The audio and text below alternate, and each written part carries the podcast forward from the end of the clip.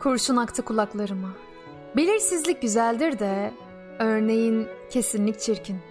Sessizlik her zaman iyidir. Düş gücü, iç zenginliği verir insana. Dünyanın usul usul ağaran o puslu sabahları ve günün turuncu tülleriyle örtünen dingin akşamları bu yüzden etkiler bizi, duygulandırır.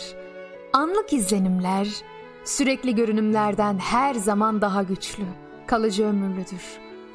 Alışkanlıklar öldürür güzelliğimizi. Değiştirmek için çirkinleştirirdi. Kimse düşlerine yetişemez ve kimse geçemez gerçeği bir adım bile. Bu yüzden sıkıntı verir. Biz hepimiz dikenli terlerle sarılıyız.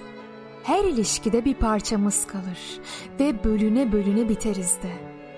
En büyük hünerimiz kendimize karşı olmak, aykırı yaşamaktır.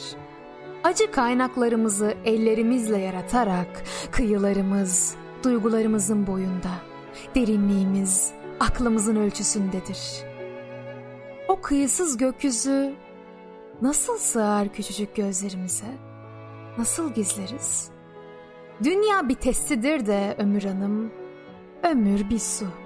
Sızar iğne ucu gözeneklerimizden zamanın. Bir içim serinlik, bir yudum mutluluk için. Sarsaklı mıncılız ayaklarını, kuşat beni.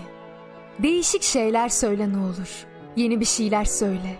Yıldım ömrümün kalıplarından. Beni duy ve anla. Yağmur dindi Ömür Hanım, gökyüzü masmavi gülümsediğine, doğa aynı oyununu oynuyor bizimle. Umudun ucunu gösteriyor usulca.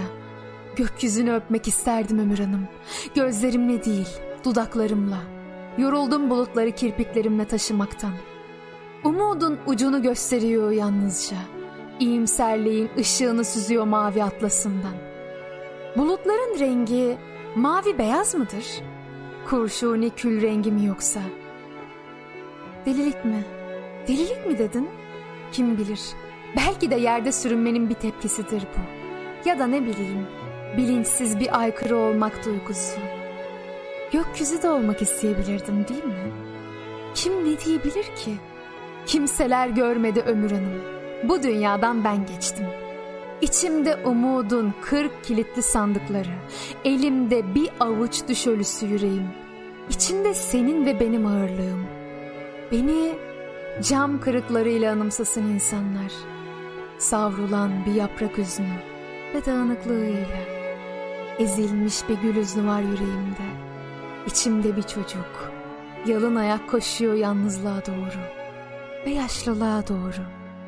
Sahi yaşlılık, derin bir iç çekiş.